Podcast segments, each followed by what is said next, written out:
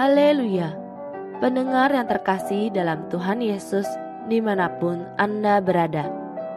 Damai dan sukacita menyertai kita semua.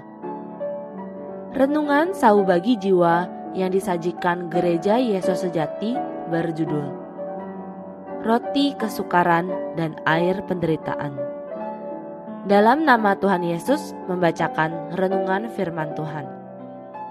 Kitab Yesaya pasal 30 ayat 20 dan walaupun Tuhan memberi kamu roti dan air serba sedikit, namun pengajarmu tidak akan menyembunyikan diri lagi, tetapi matamu akan terus melihat Dia.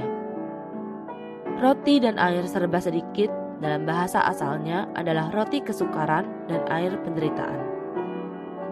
Bulan Oktober di Kanada adalah musim panen labu kuning. Kalau kita jalan-jalan ke pedesaan, kita mudah menjumpai ladang labu kuning yang luas.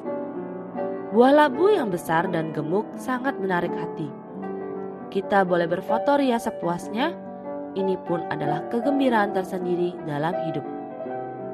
Labu kuning selain untuk dimakan, juga bisa digunakan untuk pajangan, perlombaan, hiburan, bahkan ada yang memasukkannya ke laboratorium untuk menguji daya tahannya. Salah satu artikel buku Harvard Family Instruction berisi percobaan yang dilakukan di Amherst College, Massachusetts tentang labu kuning ini. Artikel ini kaya akan pengajaran filsafat hidup.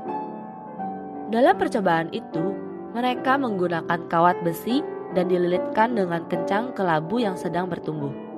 Lalu, mengukur berapa besar tekanan yang dapat ditahan oleh labu itu. Pada mulanya, mereka memperkirakan labu itu maksimum bisa menahan tekanan sebesar 500 pon. Tak mereka sangka, satu bulan pertama saja, labu itu sudah mampu menahan tekanan 500 pon. Di bulan kedua, labu itu dapat menahan 1500 pon. Ketika tekanan itu sudah menjadi 2000 pon, mereka terpaksa menambah kawat besi agar tidak putus oleh labu kuning itu. Percobaan ini berakhir ketika kulit labu itu pecah karena tekanan yang demikian hebat, 5000 pon. Hasil percobaan ini sangat mengejutkan mereka. Bagaimana labu kuning yang kelihatan tidak kuat itu dapat menahan tekanan yang demikian besar? Banyak orang terpacu untuk maju setelah membaca artikel ini. Kalau buah labu kuning yang tidak menarik saja sudah sanggup menahan tekanan yang demikian besar, apalagi kita sebagai manusia yang lebih mulia dan lebih rumit. Sudah pasti terpendam kekuatan luar biasa dalam menahan tekanan dan kegagalan. Sayangnya, sebagian besar dari kita belum pernah mengalaminya, karena itu tidak menyadarinya. Segala makhluk adalah ciptaan Allah. Kalau Allah sudah membuat labu kuning mampu menahan tekanan yang demikian besar, terlebih lagi kita sebagai anak-anaknya yang dia tebus dengan darahnya sendiri.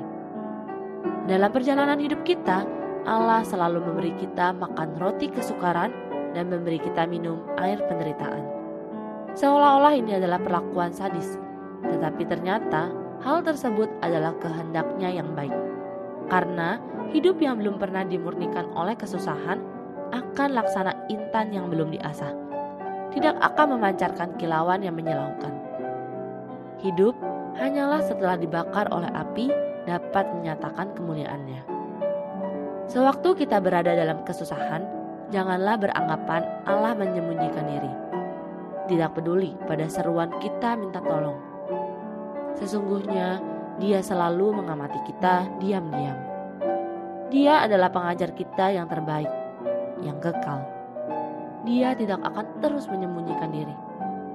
Akhirnya, setelah kita menyelesaikan pelajaran yang dia rancang untuk kita, kita akan terkejut melihat ternyata guru kita ini ada di depan mata kita.